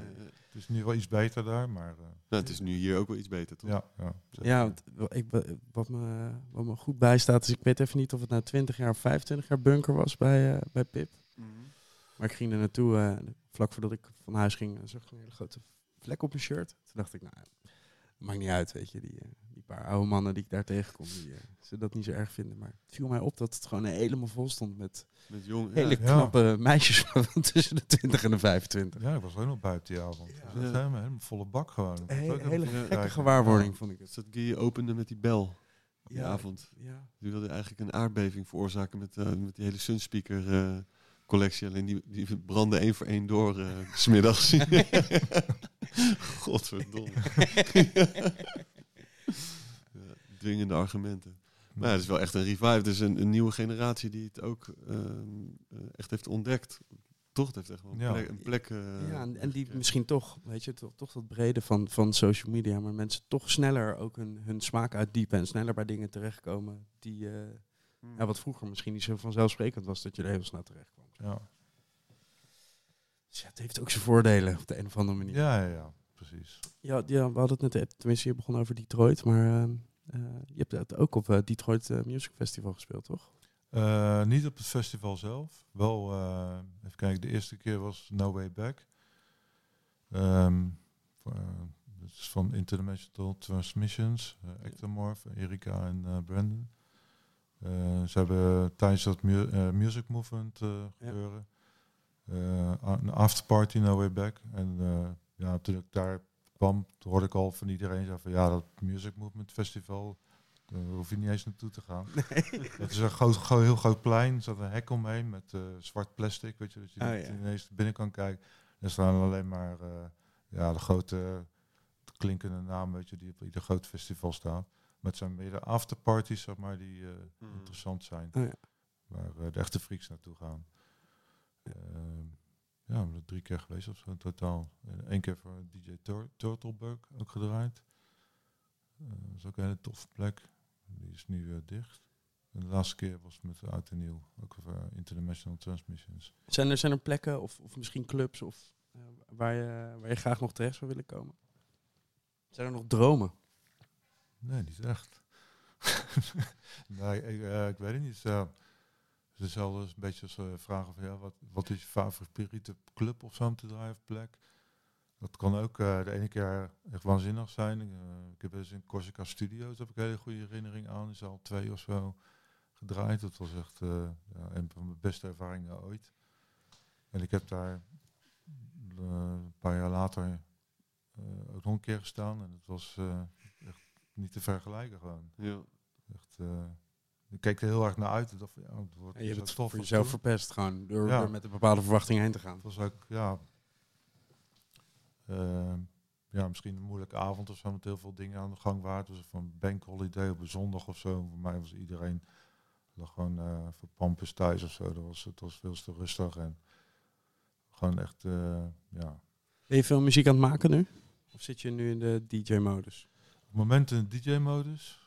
eh eh, ook wel met eh, muziek bezig. Even kijken. Ja, morgen in Brussel draaien, volgende week in Helsinki. En daarna weer even rust en dan volgende pro- produceren. Maar l- dan las je ook gewoon tijd in. Zeg, de, tegen boekingen, boekingen nee. Nee, dat is gewoon Gaat ja, organisch. gaat organisch. Ik weet dat ik dan ja, op een gegeven moment in augustus uh, selector samen met Ferris op de IFM-boot. Maar er zit dan op een gegeven moment nou ja, bijna een maand tussen of zo. Dat ik kan echt helemaal kan toeleggen op produceren. Met Ferris samen op de IFM-boot? Ja, Ik weet al waar ik ben. ja. jullie zijn er ook. Ja, ja, ik ben er zeker. Ja, we gaan met Pip voor, voor, het, voor het vierde of vijfde jaar gaan we, gaan we er naartoe. Maar uh, IFM-boot met jou en Ferris? Ja. Ja, dan ga ik wel, uh, dan ga ik wel misschien wel mijn shirtje uittrekken. En be- ben je dan al met een bepaald doel? Ga je naar de studio? Heb je, is er iets dat, eh, dat eh, af moet of dat eh, uit gaat komen? Of, of voor een bepaalde... Ehm, er zijn wel twee tracks die zo goed af zijn. Dus eigenlijk alleen maar, ja, misschien. eh, ik had er eentje in een playlist eh, eh, gestopt om ook, eh, weet je wel, even met andere tracks, eh, natuurlijk nog niet gemasterd, om even te draaien. Dan heb je meer gevoel zo van, luister op een andere manier naar dan als je voor je laptop zit of zo. eh, of je, eh, ja, als je studio speakers zit. Eh, dat ik een maand laten liggen. En eh, gisteren ja, zat ik er vanuit Recordbox even te luisteren. dacht ik van, oh ja, ja, oh ja dit moment. Oh, je kan dit er wel uit. En dan luister je me weer even Beetje met andere orde. Ja, Ja. dan luister je er anders naar. Ehm, ja, meestal als ik begin of zo produceren, dan is het, komt meestal uit experiment of zo. Eigenlijk. Het is niet zo van, nou ja, even een beatje neerleggen en een baslijntje en dit en dat. Geen, geen formule. Ook geen templates of iets. eh, nee, het is, eh, iedere keer kan het een, eh, een andere aanpak zijn of zo. ja, klooien. Ja, Toch? precies. klooien Ja, is ja, toch gewoon... eh, Ja. eh, ja, kijk, kijken wat er gebeurt en dan, eh, en dan vanuit daaruit weer, eh, Precies. weer ja. verder. Ja. ge- volgens mij vorige week of twee weken geleden een album van Laurent Garnier eh, uitgekomen. Die eh, heeft 60 aangetikt en die zegt, ja, nu, eh, Nu is het klaar. nu ga ik het een beetje afbouwen. Je bent 58 zijn Mhm. toch? Ja. Dus, eh, heb jij een, eh, heb je in, in die idee van, nou, als ik zo, als ik, eh, als ik zo oud ben, dan, dan wil ik dit niet meer? Of eh, ben- ben jij gewoon uh, stervend harnas? Ja, ik denk eerder stervend harnas of zo. Tenminste, op het moment eh, ja, voel, voel ik niet zo van, nou, het is, begint een last te worden of zo, of zwaar. Ik heb zelfs wel mensen die, eh, ja, die dan 30 jaar zijn of zo, als ze ah, gewoon alleen maar uitgaan, dan moet ze al twee weken bijkomen na één avond of zo. ik, eh, dat heb ik gelukkig nog niet zo'n last van, ook met draaien. Ik moet wel zeggen, als je twee gigs in één weekend hebt, moet je wel een beetje je energie verdelen.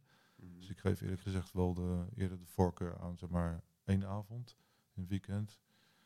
Maar eh, ja, ik, zie uh, nooit kijk er altijd al uit. En eh, ja, Eh, Niet zoiets van, nou, over vijf jaar dan is het wel mooi geweest of zo. Of afbouwen.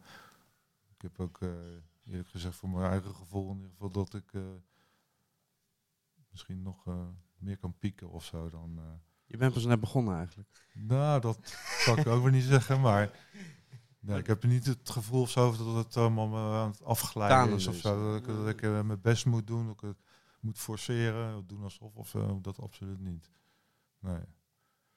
Lekker. Ja. Lekker gevoel, toch? Als je, Ja. dat, je, dat je nog ergens naartoe kan groeien. Ook al weet je, je zei net, ik heb niet echt per se een droom. Mhm. Maar er is, het mooie van een droom is soms ook natuurlijk dat...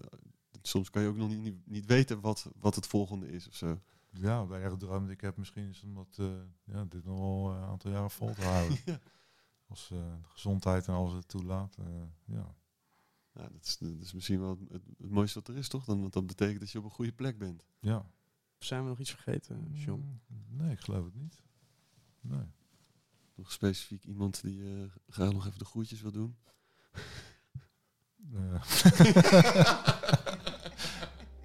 Ja, waar begin je, waar houdt het op? Ja, ja dat is...